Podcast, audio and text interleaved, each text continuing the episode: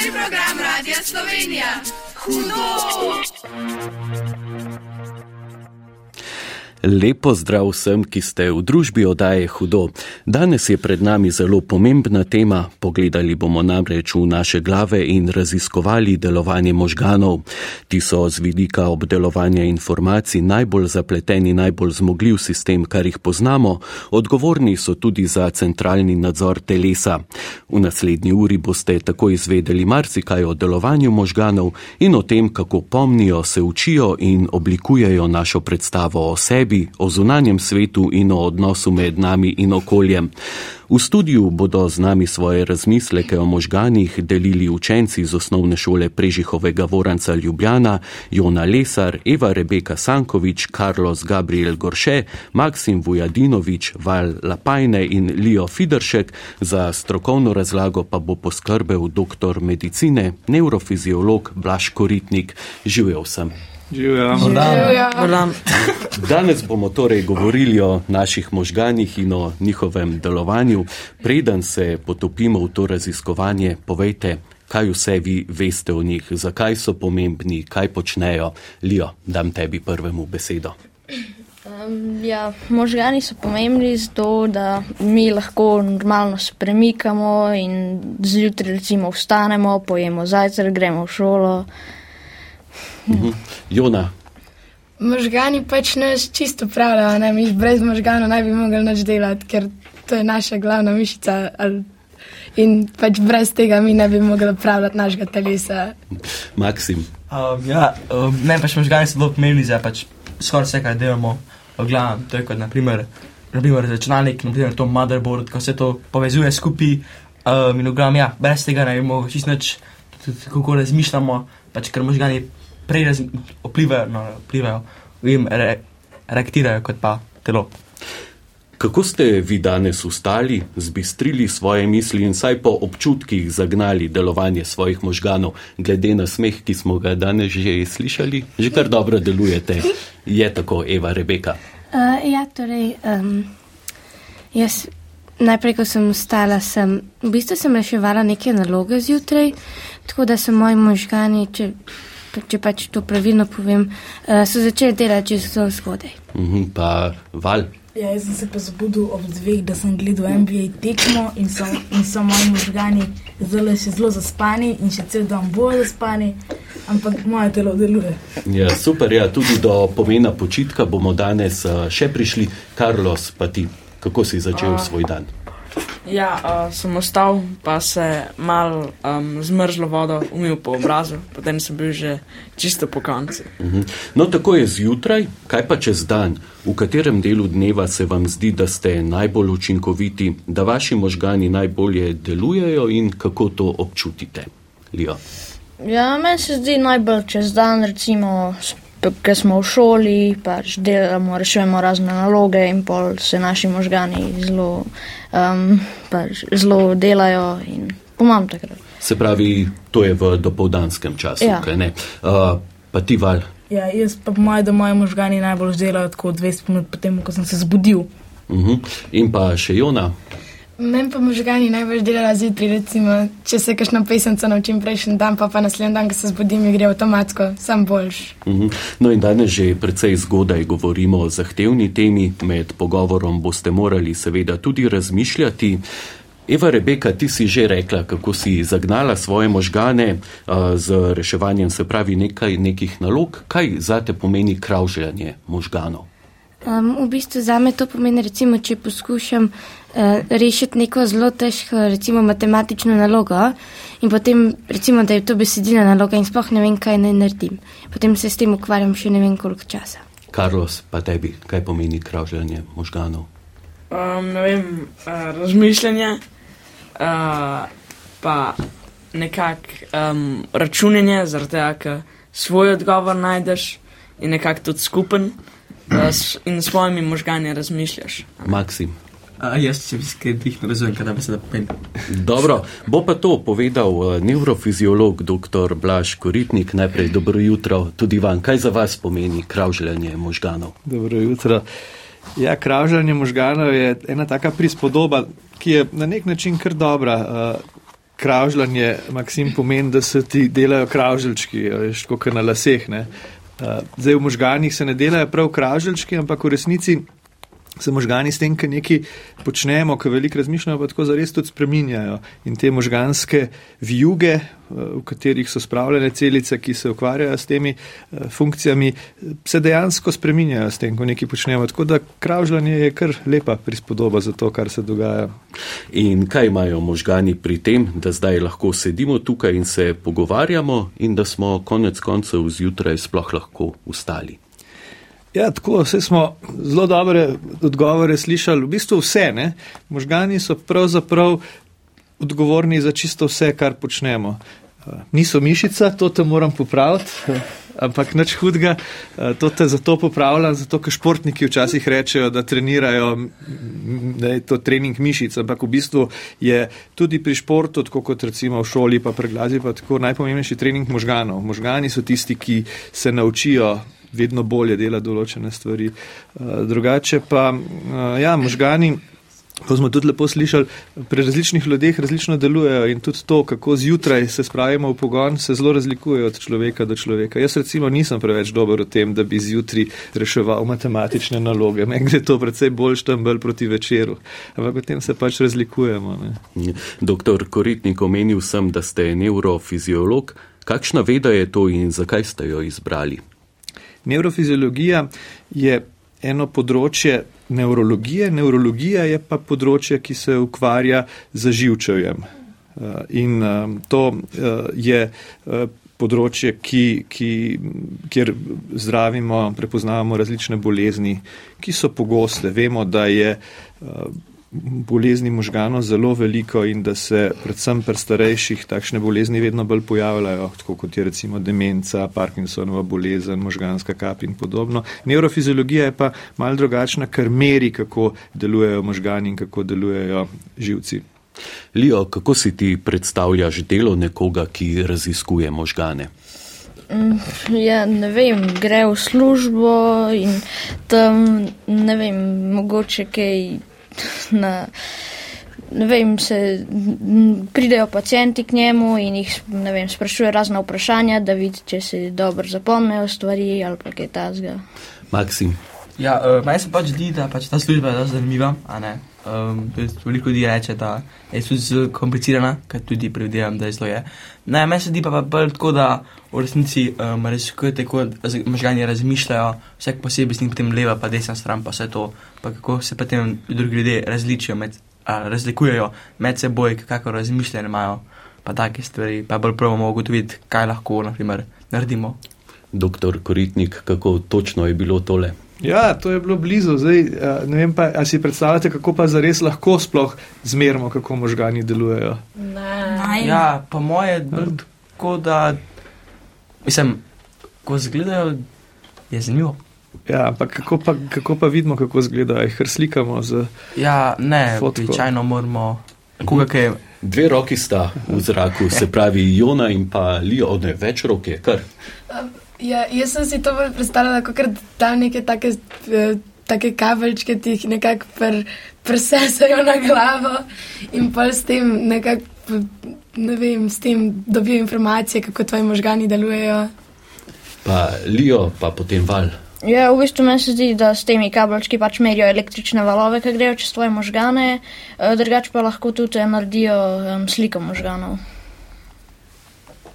Ja, meni se zdi, um, da je sam rentgen možganov naredijo. Uh mhm. -huh. Ja, po mojem, pa meni se zdi, mislim, lahko bi tudi naredili tako, da bi naprimer, za mrtvo osebo, potem bi pogledali, kako ima življenje, ker ne, to tudi veliko delamo. Ne, ampak kot je primer Leo rekel, da pač te valove gledamo, pač ne kako vsaka oseba razmišlja po vse to. Pa ja, to je tudi moje. Še, še Carlos. Ja, um, jaz sem si to zamislil, da z nekim aparatom uh, slikal možgane, ne vem, če je to glih natančno, ampak uh, ja, tako sem si jaz to predstavljal. Ja, se nimam kaj dodati, vse smo slišali, vse je prav. Se pravi, eno, kar smo, s čimer smo začeli, je to merjenje električne aktivnosti, ker tako kot recimo v računalniku, vse, kar se dogaja glede uh, informacij v možganjih, so v bistvu električni impulzi. In potem, če na nek način te impulze merimo, potem lahko vidimo, kako, kaj se dogaja v možganih. In temu rečemo, kratica je enostavna EEG, pomeni pa to elektroencefalografija, to je pa malo bolj komplicirano, ampak pomeni merjenje električne aktivnosti. In to so res taki kabli, take elektrode, v bistvu je kar kapa, da si, jo, da si jo damo gor, pa pa na računalniku vidimo, kakšni so te možganski valovi. Se reče valovanje alfa, recimo, ko spimo, se pojavlja potem počasnejše valovanje in tako naprej. Pol ta druga pomembna stvar je pa to slikanje možganov, ni rentgen, na rentgenu se vidijo kosti, možgani pa niso kost, niso ne mišica, ne kost. Ne. Um, tako da uporabljamo eno vrsto slikanja, ki imenujemo slikanje z magnetno resonanco, to ste pa že doslišali, ker slikamo tudi druge dele telesa. Sam da pri možganih lahko slikamo na en način, ki se reče funkcijska magnetna resonanca, da če človek nekaj dela med slikanjem, potem vidimo, kje deli možganov se aktivirajo. Recimo zdaj jaz, ki govorim, bi se videl tako levo spredaj, da imam aktivne možgane, ker je tam področje recimo za tvorbo govora. To je pa tudi res, da če človek umre, pa če potem možgane pogledajo pod mikroskopom, lahko pa tudi marsikaj se naučimo, kakšne bolezni so v možganih in tako. Pa, če se vrnem na prvi del vašega odgovora, zasledil sem podatek, da je v možganjih dovolj električne energije, da bi lahko zagnali žarnico oziroma da bi ta zasvetila. Je to res? Uh, v bistvu ne vem, uh, tega res še nisem slišal, slišal sem pa drugo uh, zgodbo, kako so uh, energetsko učinkoviti, ker v resnici po eni strani velike energije rabijo, rečejo, da približno 20% energije, ki je na voljo v telesu, s tem, ki jemo in tako naprej, da je potrebna za, samo za možgane, ampak hkrati pa rečejo, da je tako na eni banani cel dan funkcionirajo možgani, za razliko od tašnega računalnika, ki bi pa verjetno rabu ogromen, ogromen energije za neke podobne funkcije. Glede na to, da ste mladi že dobili pohvalo, da veliko veste o možganih, pri katerih predmetih šolskih se pogovarjate o njih? Le, o, le pri biologiji ali se dotaknete teme o možganjih še kje druge? Ja, v bistvu mi smo se zdaj, zdaj začeli jih pri biologiji učiti o sestavi možganov, pač, da so iz teh uh, živčnih celic sestavljeni. Pa, um, no, ja, to se zdaj učimo. Bi še kdo kaj dodal, Maksim? Ja, mislim, v resnici mi sploh ne, ne govorimo natančno o možganjih, no, včasih sami no, kje je pri narasloju, če že, ampak pač ne govorimo mi, no, skoraj nič, no. In ko sem omenil šolski predmet, dr. Koritnik, kako možgani tudi opredeljujejo, na katerih področjih bomo uspešni, v šoli in izven nje? Ja, tako kot sem rekel, se pač razlikujemo med seboj tudi naši možgani delujejo drugače kot možgani od sošolca ali pa od učiteljce ali pa od starša in tako naprej. In zelo veliko k temu, kako deluje možgani, prispeva pač to, s čimer se rodimo, se pravi genetika. To pomeni, da že ob rojstvu je na nek način mal zapisano v možganih, v čem bomo boljši, bomo boljši, ne vem, v naravoslovju, ali nas bolj zanima umetnost in tako naprej. Ampak potem je pa seveda zelo pomembno, okolje, v katerem rastemo. Ne. Vpliv staršev zelo velikrat se zgodi, to ni na ključje, da otroci podobne poklice zberejo kot starši, zato ker so na nek način vse čas izpostavljeni in to dobro poznajo in na tak način funkcionirajo, pa seveda šola veliko prispeva k temu. Uh, tako da um, je en, ena cela mešanca stvari, ki vpliva na to in um, je treba enostavno nekako slediti temu, kam nas življenjska pot pelje. Lijo, ti si že začel govoriti o sestavi možganov iz česa, so še eno zadevo si naštel, se spomniš še česa? Um, v bistvu niti ne zato, ker smo se ravno začeli učiti. Dobro, potem pa dr. Koritnik da mi stočnico za nadaljevanje, kar tri četrtine možganov predstavlja voda. Kaj še? Ja, uh, voda pa malo maščobe, pa to je to približno, pa malo beljakovin. Uh, tako kot pravzaprav tudi drugi deli telesa. No. Sej v teh osnovnih gradnikih se možgani niti ne razlikujejo toliko od drugih tkiv. Tisto, kar je pomembno pri možganih, je, da so te celice, nevroni, kot jih je Elija pravilno omenjal, da so ti nevroni med seboj povezani in da lahko komunicirajo med seboj. To je tista bistvena razlika, da si te celice lahko pošiljajo informacije, da se pogovarjajo in iz tega potem nastane, temu rečemo, kar omrežje, omrežja. No Se pravi, ne, pos, ne skupek posameznih celic, ampak celice, ki so povezane v mreže in iz tega lahko potem nastanejo vse te funkcije, ki jih možgani zmorejo. Druge celice so pa samo ena zraven druge in niso tako povezane. Ne. V desetinah milijard se štejejo te ja, nevroni. Ne? Ja, to so ogromne številke. Recimo rečejo, da če bi preštel vse povezave med temi celicami pri vsakem človeku ali pa v enih možganih, da bi bilo približno od Zemlje do Lune razdalja tega kabla, ki bi ga sestavili. Naprimer. To se je skoraj težko predstavljati. Eva Rebeka, kako recimo ti pri sebi opažaš to, da so tvoji možgani sposobni vedno več, da se razvijajo? Um, v bistvu mislim, da najbolj opažam na področju šole, eh, ker se pač snov gradi in potem možgani vedno več zmorejo razmišljati, oziroma tudi morejo. Um, tako da to nekako. Ja, Jona. Se pravi, kako ti pri sebi opažaš, da se tvoji možgani razvijajo, da so sposobni vedno več? Um, recimo, ko se kaj tazga, ko se mi, ko se mi naprej zdaj, da, da se ne bom nikoli naučila, ne, recimo prekošnemu predmetu, ki mi res ne sede, pa se ga težko učim. Pa pa mi v bistvu rata, pa zelo dobim pet pri teh stvarih. Pač. Val. Ja, jaz sem pa opazil, da se moji možgani v zadnjem mestu zelo spreminjajo in tako, zaradi tega, ker sem malo bolj umerjen sam pri sebi. Uh -huh. Pa še Maksim. Ja, uh, mislim pač zelo, taka oseba, veliko energije skuša, ne, pa zdaj ima pač tudi, pač ko odraščam, tudi lahko malo bolj kontroliram se, mislim, spet, še eno sem zelo hiperaktiven, pa se to, ampak ja, lahko se malo bolj koncentriram pa take stvari, ampak ja, drugače pa tudi opažam še malo o mislih mojih. Carlos, kako si ti recimo pri sebi opazil, da si začel izbirati vedno bolj zahtevne aktivnosti, s katerimi se ukvarjaš, si v knjižnici začel izposojati bolj zahtevno literaturo? Um, ja, uh, to sem opazil s tem, da mi je dobro šlo pri slovenščini in tudi uh, učiteljica Mateja Flajs mi je priporočila, da bi uh, mal težjo literaturo izbral. Ljo. Um, ja, no, zdaj jaz bi tudi rekel nekaj, pač, ja, po mojem, zdaj sem tudi bral, začel brati malo angliške knjige, kot v slovenščini bolj, pa ja. Doktor Koritnik, kako so torej možgani mladih oziroma najstnikov urejeni, kljub temu, da so neurejeni? Gre za zanimivi nasproti, bi lahko rekli nekako kot najstniške sobe, ki so večinoma neurejene, ampak je v njih vse, kar mladi potrebujejo. Ja, to je eh, dobra eh, prispodoba.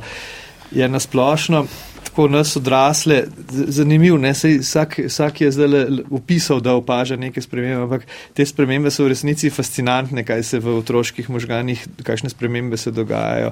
Ne vem, že take enostavne stvari kot šport. Nekdo se prvič postavi na smučke, pa bo v treh dneh postal že ekspert, tako pri desetih letih. Te sposobnosti pri nas pol zginejo, pri odraslih. Jaz recimo sem se postavil pred par leti na bord, pa sem si rama poškodoval, pa sem pol po enem tednu rajš nehu, zato ker mi enostavno ne gre več. Ne.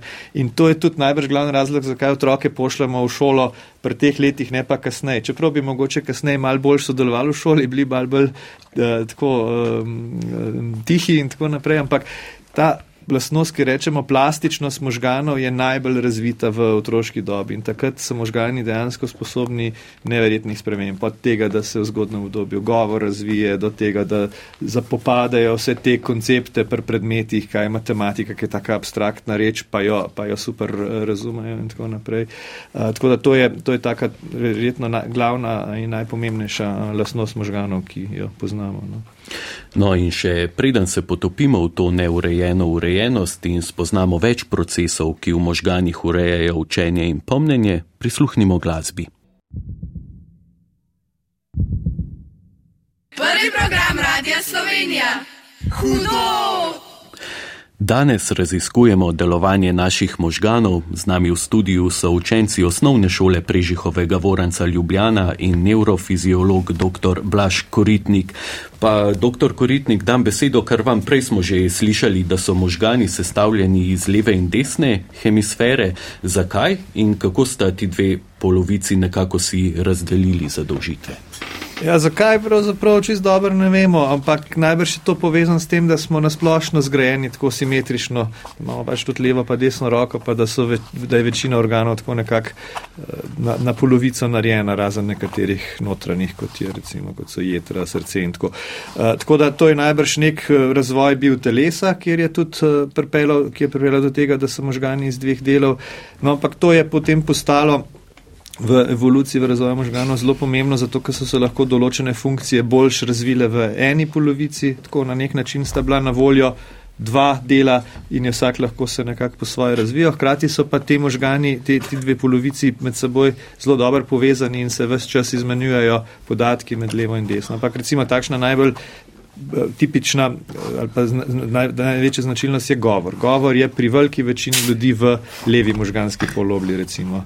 Smeh je povsod, ne? smeh uh, je ena taka funkcija, se, se, se sliši, se sliši danes, uh, kako, ja, kako je v možganih predstavljen. Uh, Potem pa imajo možgani tudi to možnost, da smeh zadržijo, včasih pa to ne dela dobro, potem se kar ne da nehati smejati. To vsi dobro poznamo. Kateri del pa je zadolžen za učenje? Učenje, učenje je tudi ena taka funkcija, ki potrebuje različne dele možganov, ni samo en del, ki je tisti. Drugače poznamo en del, ki se imenuje hipokampus, morski koniček, zato ker ima takšno obliko ki, ki skrbi za to, da se zapisujejo informacije v tako imenovani dolgoročni spomin. Se pravi, če ta hipokampus ne dela, potem vse, kar bi slišali, kar bi prebrali, bi šlo v pozabo. Uh, tako da ta hipokampus je zelo pomemben. En drug pomemben dnev se pa imenuje delovni spomin, to je pa tisto, nam, ki nam pomaga, da zadržujemo informacije za kratek čas, recimo za nekaj deset sekund. Se pravi, da ko jaz začnem en stavek, da ko sem na koncu stavka, se še vedno spomnim, kako sem stavek začel. Brez tega ne bi šlo, če bi vsaka beseda za sebe stala v sedanjosti. Mm, Lijo, kako se recimo ti učiš, da je ta proces kar najbolj učinkovit? Ja, ne vem, jaz si berem recimo v, um, v zvezku in pol, ki si preberem malo, pol si pa probam v glavi ponoviti. Uhum, pa ti, Eva, Rebeka. Um, jaz v bistvu najraje berem potiho, ampak to nima nobenega učinka, tako da berem na glas. Potem včasih mi kdo še kaj razloži, uh, potem pa včasih še delam kakšne naloge. Val. Ja, jaz si pa tako, da si iz učbenika pa iz zvezka, kar pišemo po uri, zapišem to še en nov zvezek, tako da si moji možgani vse zapomnijo in pa preberem si še pred zmeri, predem grem spat, to, kar sem zapisal. Jaz pa eno mešanico vsega tega. Jaz si najprej preberem, pa provam ponoviti to, kar sem si zdaj zapomnila, pa mi pa recimo kdo, recimo mami, mi pove, um, kaj sem še zgrešila, pa si pa še to enkrat preberem. Maksim, mene pa zanima zdaj zate, ne, otrokova sposobnost učenja se ob spodbujajočem okolju lahko poveča tudi za četrtino. Kako tebe starši spodbujajo k temu, da se učiš, da ti zato nekako skušajo ustvariti kar najboljše pogoje? Ja, to je bilo njih moje najboljše vprašanje, da me vprašate za, ampak govorim, jaz sem blik težav počasi s učenjem. Imaš še zelo strogi, ne? Včasih čas jih tudi kaznujejo, ker nisem pridna, pa ne delam pa tudi ne. Se pravi, kako ja, ti ustvarjajo potem, okolje, v katerem se dobro počutiš, pač, da se lahko učiš? Ja, v glavnem, kaj naredijo, je, da mi pač ali mama pomaga za angliščino, ker pač ja, straka, pa to ne. A pa nisem običajno mama, um, pa pa včasih brat pomaga, ampak če imam sam, ampak imam malo težave s tem, pa take stvari, pa no, ne, mislim, ne vem, mislim, imam za tako um, ni, ne, ne vem, koliko spodbude, ampak tako, bolj kot pritisk bi rekel. Karlos, pa pri tebi, kako se nekako ustvari okolje, v katerem se znaš dobro učiti, oziroma v katerem se lahko učiš? Uh, ja, najboljše okolje je, ker sem v sobi, ne, pa je tišina, da ni uh, nobenega um, hrupa, uh, recimo avti uh, ali pa kaj takega. In jaz sam preberem učbenik trikrat um, popovdne ob uh, povdnevu. Um, ja, in tako si jaz najbolj zapomnim. Doktor Koritnik, prej ste že omenili pomen okolja, v katerem se nahajamo za učenje. Kako pa je s tem zares v praksi? Ja, uh, slabi so časi zdaj za učenje, ne? zato ker je, smo toliko obremenjeni z temi vsemi različnimi vplivi od elektronskih eh, pripomočkov naprej, da se pravzaprav težko ustvari zelo dobro okolje za učenje. Otroci so tipično izpostavljeni tudi v svojih sobah, ne tišini, ampak eh, telefonom, kjer pridajo eh, različni messagi iz družabnih omrežij, vsaj piska vse čas, muziko eh, zraven poslušajo in tako naprej. In to so vse stvari, ki nažalost ne prispevajo k temu, da bi se lahko dobro učili. Ena zelo pomembna lasnost funkcija možganov je pozornost in ta pozornost je ključna za to, da se učimo. Drugače smo pa slišali zelo dobre načine, kako si več zapomnimo, recimo to, da prepisujemo, to je zelo pomembno. Pisava, pisanje z roko se je skazalo, da dejansko bolj pomaga pri tem, da si kaj zapomnimo, kot če samo beremo ali pa če recimo tipkamo. Tako da to zelo pozdravljam, da napišeš in prepišeš, ker si boš res bolj zapomnil. Ja. Val se ti učiš s prižganim telefonom, oziroma imaš vklopljen zvok med učenjem? Pač, ja, imam telefon, pa odkar pišem, tudi boljše ocene, odkar prepisam, si ful bolj zapomnim. Pa, pa sam redko pogledam, pa navadi pustim, pa polka se naučim pogledam, kaj so mi poslali in pol odpišem. Imate vsi telefon ob sebi, ko se učite in recimo, ne, ko dobite sporočilo, kako zmoti vašo koncentracijo to, če ga imate, odkimavate? Ima kdo telefon ob sebi? Ja. Pa jaz, jaz imam Zem, jaz včasih tudi dobim te sporočila, ne, no, težko se jih. Um, Mislim, tako da se nadzorujem, pa rečem, oh, ne bom pogledal. Mislim, včasih lahko, ampak Ja, včasih. to je pa- najbolj že, kar ugasneš, ja, pa daš stran. No in pa prijem, pogledam telefon, vidim message, rečem, a ja, ok, si tako, no, še malo časa, lahko še malo nekaj pogledam. In pol zgubim. Lijo in val. Uh, jaz pa v bistvu um, večeroma nimam telefona, preseb, tudi če ga imam, pa um, mi pa itak zvočnik ne dela, tako da niti ne slišim, če dobim kaj, pa Jaz se pač pa-. Jaz se pa zmeri učim o pržgani televiziji, tako, ker mi je fulaži, da slišim skozi en zvok.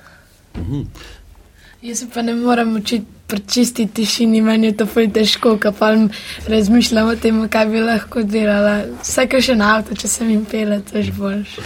Kako je s uh, preklapljanjem med temi različnimi aktivnostmi in koliko časa, recimo po enem prejetem sporočilu, možgani rabijo, da se vrnejo nazaj na prejšnjo raven uh, koncentracije? Možgani tako delujejo, da sicer zmorejo več stvari početi. Rečejo celo, da ženske so eh, bolj za multitasking, se pravi, da zmorejo več, ampak tudi moški imamo določene te sposobnosti. Ampak zdi se, da ta multitasking, se pravi zmožnost tega, da počnemo več stvari, ni v resnici zmožnost, da več stvari hkrati počnemo, ampak preklapljamo med eno in drugo in s tem se seveda tudi zgubi eh, to, da dobro počnemo eno ali pa drugo stvar. Tako da je tisočkrat boljš, da ko se lotimo dveh stvari, najprej naredimo eno, jo naredimo čim bolj, čim bolj kvalitetno, potem pa drugo. V prometu se to zelo dobro kaže. Ne? Pisati sporočila pa voziti eh, ne gre hkrati, enostavno ne gre in je boljš, da se ustavimo in potem pišemo in potem pa spet eh, z vso pozornostjo vozimo. To bi moglo biti vodilo. Ne?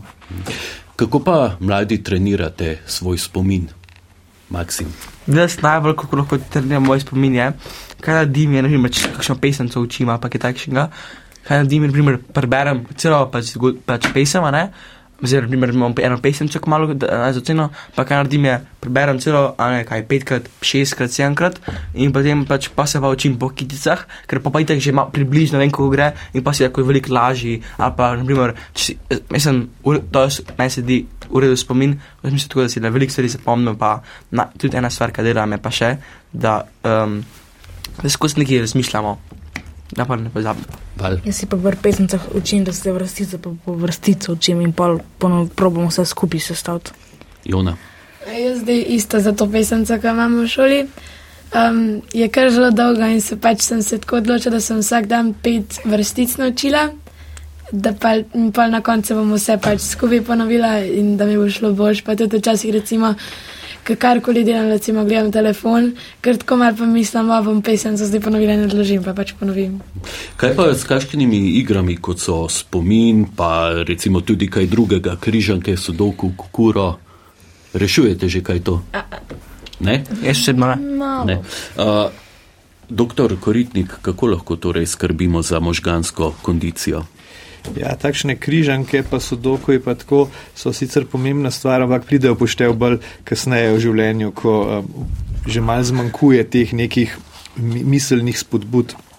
Tako v šolskem obdobju, pa tudi takrat, ko smo v svojem poklicu aktivni, takrat v bistvu ne potrebujemo prav za res veliko nekih dodatnih treningov eh, možganov, takrat, če že kaj potrebujemo, eh, zadostno mero počitka in spanja, to, kar smo že prej malo, mogoče se dotaknili, to je tista ta glavna stvar, ki jo, eh, na katero pozabljamo, vključno z mano in ki bi bila pomembna za to, da se lahko, da lahko dobro funkcioniramo.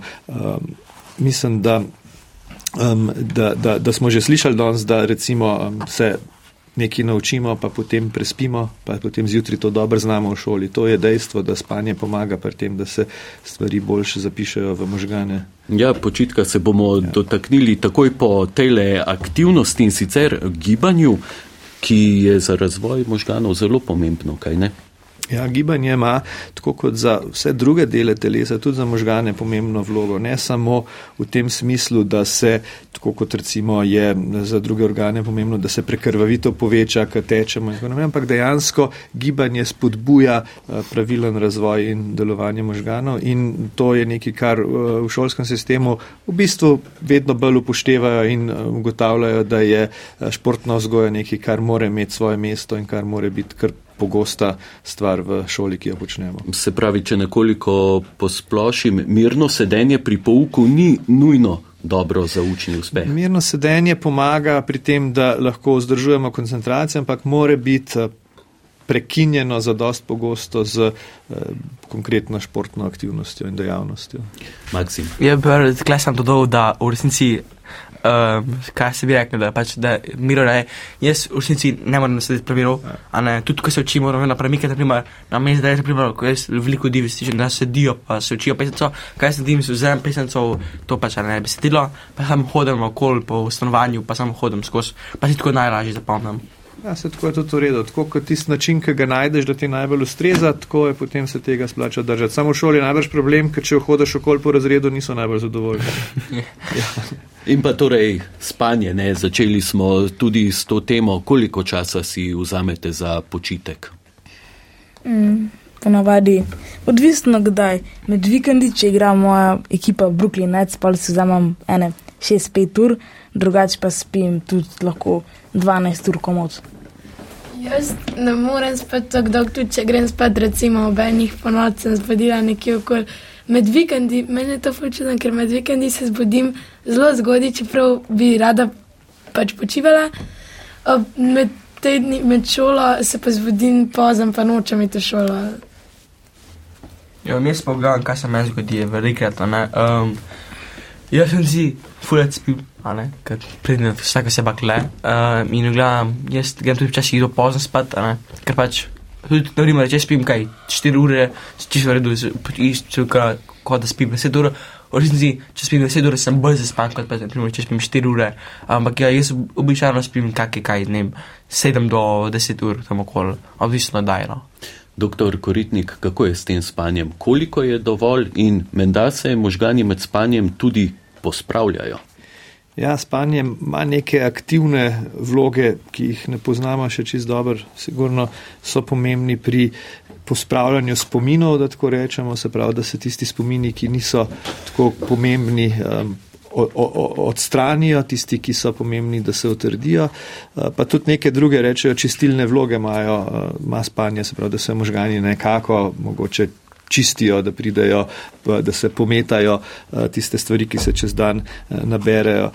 Eh, se zelo razlikujemo od človeka do človeka. Smo slišali, da enim je dos 4 ure, 4 ure ni nikomor dos, no, to je vsem treba vedeti. Tako da tisto, kar je zelo pomembno, je, da bi mogli imeti vsi skupaj čim bolj urejen ritem spanja, se pravi, da gremo vedno ob podobni uri spat in če rabimo manj spanja, prav, ampak ponavadi nam spanje oduzamejo tiste neki, bom rekel, v narekovajih moteče dejavniki, televizija, računalniki in tako naprej. Uh, tako da te stvari zvečer ne bi smele imeti mesta, zvečer bi mogli imeti čas, da se sprostimo in zdaj, če pač ob neki knjigi mal dlje uh, bedimo v redu, ampak drugače pa bi mogli imeti možgani čas za to mirno sprostitev in prehod v spanje. To je pa neraziskan fenomen, zakaj takrat, ko je šola, tako težko ostanemo, takrat, ko bi pa lahko spali, se pa zjutraj zbudili zbudimo, to se pa sem dogaja in ne vemo zakaj. No, zdaj bomo prisluhnili glasbi, po njej pa bomo govorili o okolju, ki vpliva na razvoj možganov in odnosih med nami, predvsem pa med najstniki in starši. Prvi program Radia Slovenija. Hudo! Danes v oddaji hudo kukamo v naše glave in raziskujemo delovanje možganov. Do kar nekaj zanimivih ugotovitev smo že prišli z našimi gosti, učenkami in učenci osnovne šole Prežihovega Voranca Ljubljana in neurofiziologom dr. Blažem Koritnikom. Še ena stvar, ki jo moramo omeniti in je tudi povezana z razvojem možganov, pa je razumevanje med najstniki in starši. Namreč starši se kdaj lahko sprašujejo, zakaj se njihovi najstniki občasno obnašajo impulzivno, nerazumno ali pa se izpostavljajo nevarnim situacijam. Lio, je tudi pri tebi tako, kako recimo poteka komunikacija med tabo in starši? Ja, ne vem, večinoma dost normalno, razen če pač, ne vem, se kaj skregamo, ampak dr mhm. drugače čisto normalno. Carlos. Um, ja, kakšno je bilo že vprašanje? Se pravi, kako poteka komunikacija med tabo in starši? Prihaja ja, kdaj do sporov ali česa podobnega? Uh, ja, velikrat. Um, ko pa se pogovarjamo recimo ob televiziji, pa je pogovor kar tekoč. Um, ni tako sporov ali pa argumentov. Mhm. Ja, v resnici moja družina, pa no, imamo kar zanimivo zgodbo. Ne, uh, jaz sem brat, ne, se velikega, pač ne, velike stvari, ne, uh, brat je pa tudi, ne, učemo premaga, s tem, da me udari. Ampak, tovar. Uh, ne, zdaj pa družina pa gre kar redo, mislim oče je zelo strog, ne, je pač zelo stereotipičen, zato nobenega um, okozvanja nazaj ne dovoli pa take stvari. Mama pa bolj popušča, um, pa veliko me tudi ščiti pred očetom, ko se dara name. Drugač pa ko pa smo um, v nama, nam, normalnem bivanju, gledamo, kaj pa se lahko vse normalno pogovorimo. Uh, jaz včasih s svojo mami, recimo, začnem sam kregati tako iz ničesar, ne vem, ali je zapaše, da bi se kregala, ampak se sam začnem kregati. Pa recimo, kdaj mi reče, da je moja, da je moja soba zelo umazana, pa meni se to sploh ne zdi. Eva Rebeka, pri katerih stvarih se ti starši recimo največkrat ne strinjaš in kako potem skušate najti nek skupni jezik? Um, Ponavadi glede šole, ali pa tudi, kot je že Jona omenila, tudi uh, primer, recimo, da nimam pospravljene sobe, v resnici pa se meni zdi, da jo imam. Um, v bistvu jaz ponavadi, ko se krigam, se sploh ne krigam, ampak sem tiho. Um, ja. Lio. Mm, ne vem, no, um, mi tudi ponovadi, po mojem, takrat, ko je treba pospravljati kaj. Pa. Mhm. Doktor Koritnik, kaj imajo možgani oziroma njihov razvoj pri tem, da med starši in najstniki prihaja do nerazumevanja?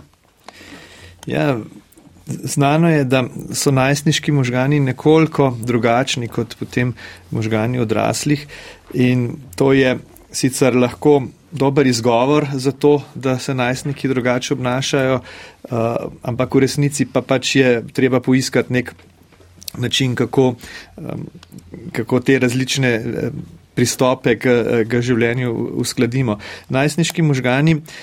To so pokazali s tem, ko so slikali možgane in so pogledali, kako so možgani razviti so ugotovili, da ti sprednji deli možganov, ki skrbijo za to, da uh, se um, znamo pravilno odločati, presojati, ugotavljati, kaj je dober, kaj ni dober, uh, kaj ima lahko škodljive posledice, ne? da ti deli možganov naj dozorijo šele tam uh, proti po 20. letu. Um, tako da um, se najstniki tipično um, na nek način ne znajo tako dobro kontrolirati, pa presojati, v kakšnem primeru um, se, je, se je treba tako obnašati, v kakšnem primeru drugače obnašati. In to seveda včasih ustvarja mal konfliktne situacije in velik težav v družinah predvsem.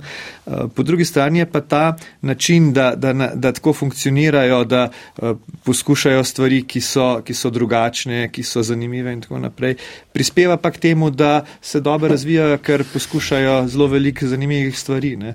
Recimo zdaj so tukaj v studiu zelo razposajeni, ne? absolutno se ne znajo kontrolirati, kaj je prav, pa kaj pa ne, ampak po drugi strani bo pa to za njih taka prijetna izkušnja, katera se bodo spominjali uh, še dolgo časa. Ne? Ja, in že prej smo govorili o pomenu spodbudnega okolja za razvoj mladih možganov, zdaj, ko smo pri odnosih, povejte, koliko vaš, vas starši zakaj pohvalijo in koliko krat grajajo in kako to vpliva na vas?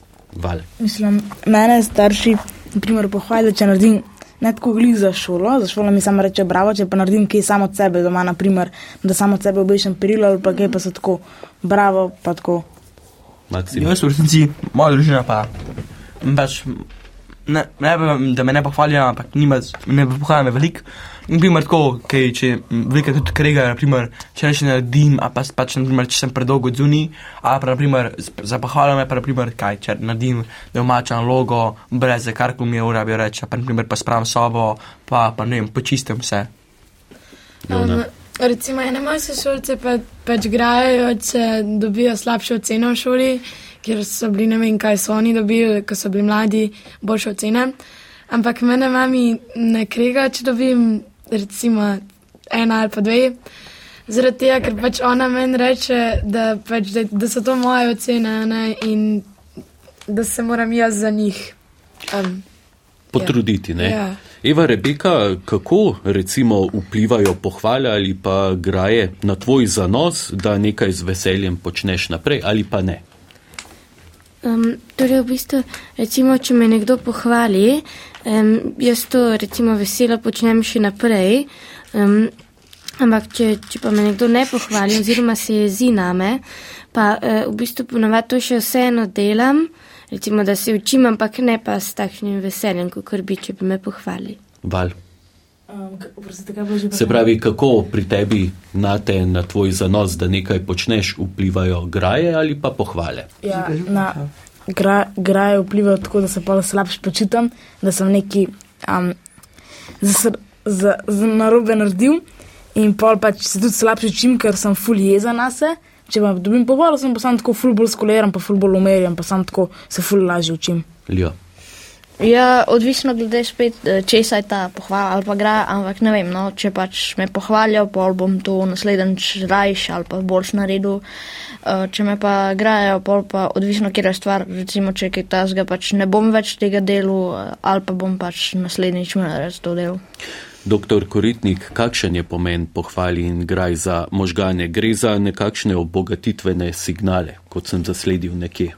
Ja, nasplošno čustvovanje, čustva so, so namenjena temu, da nekako ojačajo tiste stvari, ki so pomembne. Tako pozitivna kot negativna čustva, tako graje kot pohvale ustvarjajo pač neke občutke v, v človeku, ki so lahko pač pri grajah seveda slabi, pri, pri pohvalah dobri, ampak ti občutki pomagajo, da so potem tiste stvari, ki jih počnemo, bolj pomembne. In brez čustev bi bilo vse nezanimivo, si ne bi zapomnili, vse bi šlo mimo, tako kot seveda veliko stvari je takšnih in je prav, da grejo mimo, da niso pomembne in tako je prav, da si ne zapomnimo čisto vsake stvari, ki se nam zgodi v življenju, ampak te stvari, ki pa so pomembne, jih pa lahko zelo dobro obogatimo z nekim čustvenim prilivom. Tako da spodbujam uh, pohvale, pa tudi graje imajo neko svoje mesto. Ne.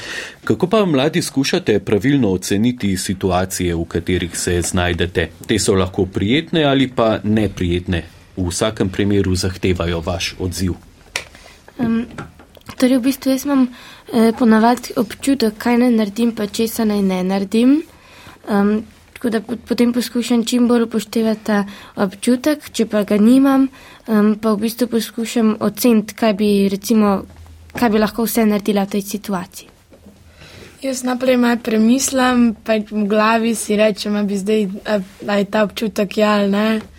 In pol naredim to, kar se mi zdi najboljš. Pa ti, Karlos, kako ocenjuješ situacije? Um, ja, uh, Ali greš le pač na glavo v tisto, kar je pred tabo in je to to? uh, ne, rabim zelo zbranosti. Pa mogoče me je še kdaj kaj stran, recimo, uh, kaj imam kakšen plakat ali pa ka- kakšno pesmico moram povedati. Um, včasih pa se sam tako javim, kar bo bo, a ne. Uh, ja.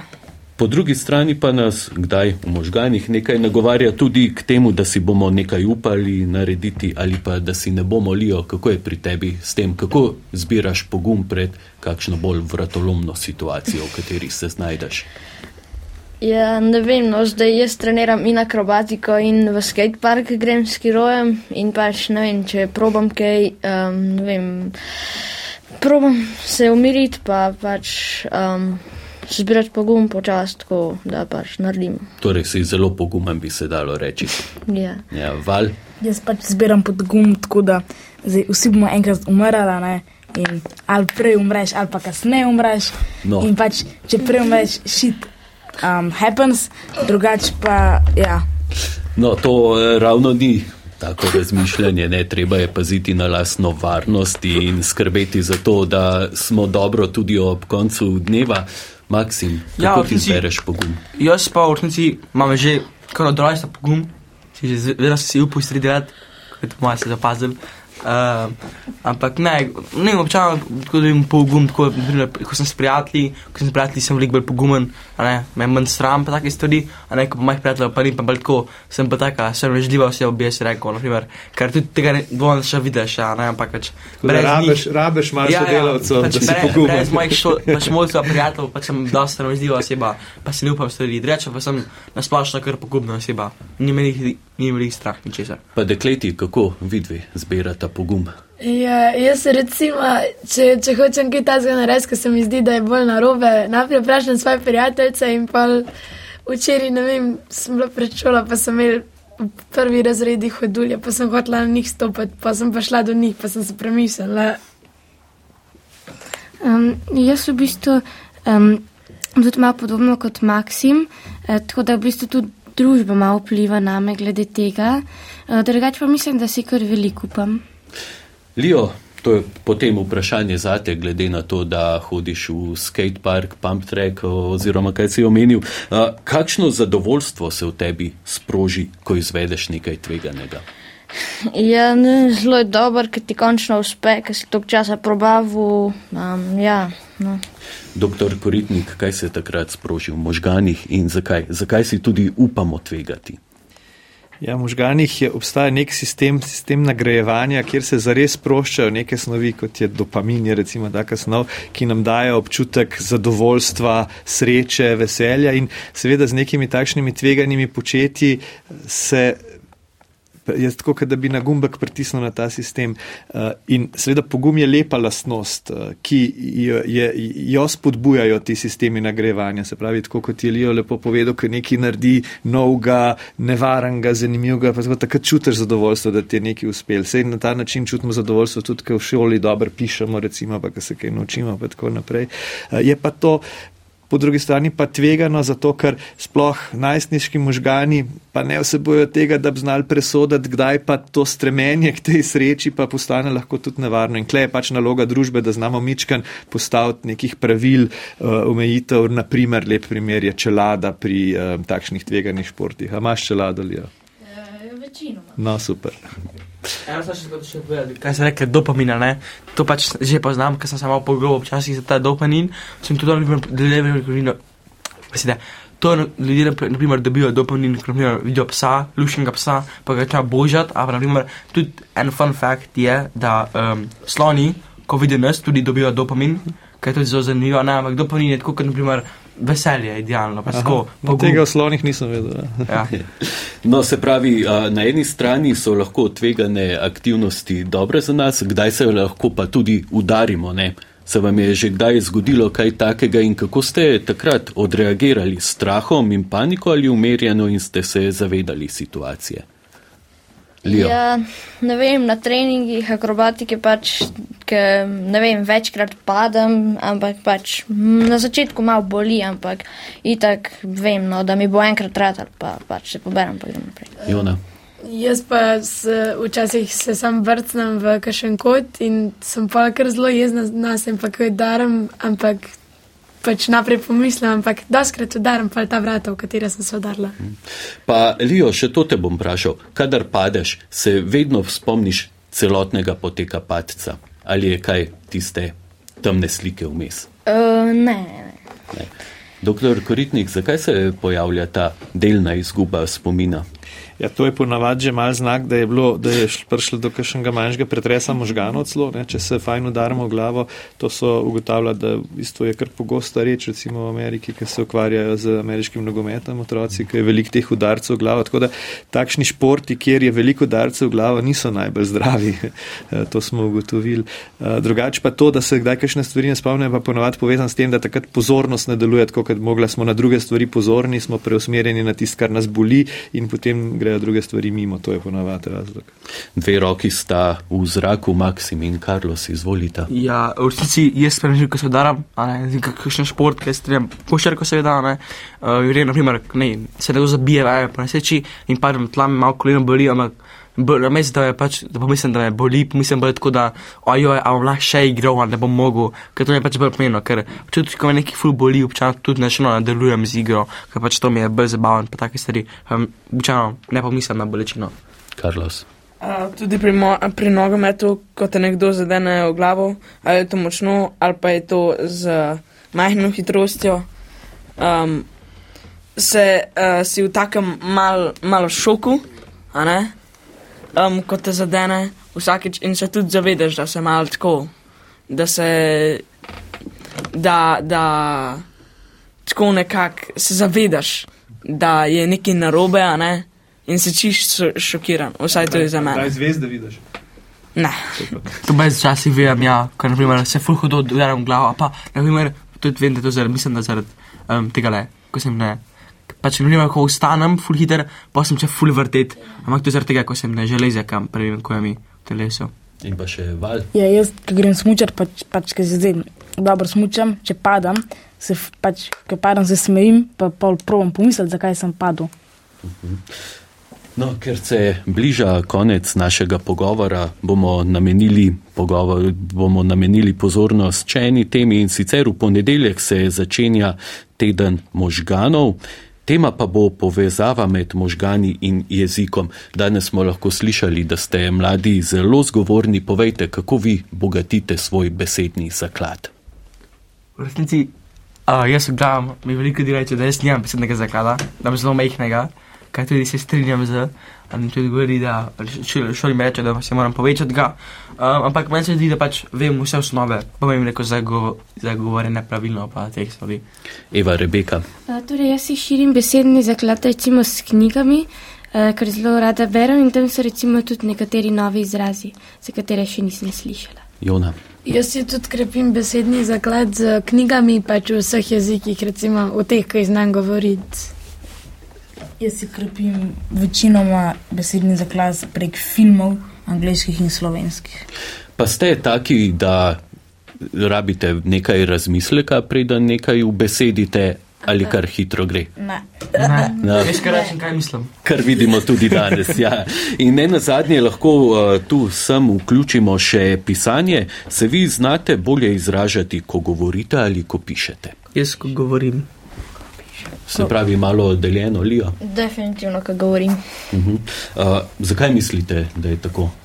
Jaz, te, ko govoriš, pač se lahko hitro popraviš, ke, če napišeš besedo, pa jo moraš zbrisati in pa spet od začetka. Pa. Meni se pa malo zdi, da je, ker pač govoriš nekomu osebno in pa imaš tako občutek, da nekdo posluša ti, ker naprimer, če napišeš, ne veš, kdo bo to prebral, ne pa ko tam daš to, a ne, ko pa govoriš, pa, pa imaš tako občutek, da. Jaz se mi zdi, da pač um, boljš pa lepš napišem, ka, um, ka, pač ka pišem, a ne, da boljš izrazim sebe zaradi tega, ker lahko malo naprej premislim, kaj bom napisala. Doktor Koritnik, kakšni procesi so v ozadju govora in tega, kako jezikovno spretni smo? Ja, govor je, je neko sredstvo, ki pravzaprav je, je urodje, preko katerega svoje misli sploh uh, ustvarjamo. Lahko sicer razmišljamo tudi na negovorni način, da si kakšne stvari predstavljamo v neki vidni obliki, ampak v bistvu je pa govor tisto besede, stavki, uh, ki oblikuje naše razmišljanje. Tako da uh, besedni zaklad, to, da bogatimo besedni zaklad, hkrati pomeni, da bogatimo svoj uh, način razmišljanja in dojemanja sveta, tako da je zelo pomembno in knjige so sigurno na, na prvem mestu glede bogatenja. Nič ne more boljš bogatiti besednega zaklada kot knjige. Vsi berete. Ja. Z veseljem. Domače branje, ja. Ja, a, da, A, to, že- to je že nekaj. To je že nekaj. ja. Sam da ne trpite ob tem. Ja. Ja, jaz pa. Zakaj pa nam kdaj, ko rečemo, kaj uide z jezika, se pravi nekaj, kar rečemo? Ja, to je ta bistvena razlika med pisanjem in govorom. Govor je nek interaktiven proces, kjer se vse čas zelo pogruntali, lepo eh, prilagajamo tudi temu, ki je na drugi strani in uh, te misli oblikujemo glede na to, kaj pride nazaj do nas. In temu primerno seveda, kakšne misli so tudi mal prehitre uh, in niso korigirani. Pri pisanju je pa tako, da imamo veliko časa, da dobro premislimo, da potem tisto res stoji, tako da sta to res dva različna koncepta. Jezik pa je lahko tudi spolno zaznamovana stvar. Ali med vami, fanti in dekleti, prihaja do razlike, recimo v govoru, uporabljate kakšne druge izraze, stvari drugače upovedite? Jona, ti odkimavaš, da slišimo, kaj bo povedal Ja, val. naprimer, ko mi fanti govorimo pač o naših zadevah, se tako zmeri, če punce karkoli sliši, se tako. O, fuj! O, fuj, kaj je to? Da res, ali bi fate, mislim, da govorimo za ne. Grob vrteto, pa se zavrkavamo veliko na takih stvarih, um, stvar, ker mislim, da je normalno, se meni zdi. Um, pa pa naprimer, ne če kaj govorimo o, v smislu hecu, rečemo naprimer, ne vem, rečem Balu ali pa Carlos, rečem nekaj smešnega, v tem punce to ne videli kot hec, naprimer, če kaj se si če kaj rečem v smislu hecu in ne, in pol feministke, kot, kot so, um, reagirajo zelo jezne. No, bomo s temi sodbami se umirili. Mislim, da to ni primerna oddaja za kaj takega. Uh, Jona, Uh, recimo, mi kdaj, ko imamo kakšne take svoje. Ne vem, besede, ki jih poberemo iz kakšnih socialnih omrežij, se to fantom da zdi neumen in pa mi recimo rečemo kakšno od teh besed in pa so nekaj.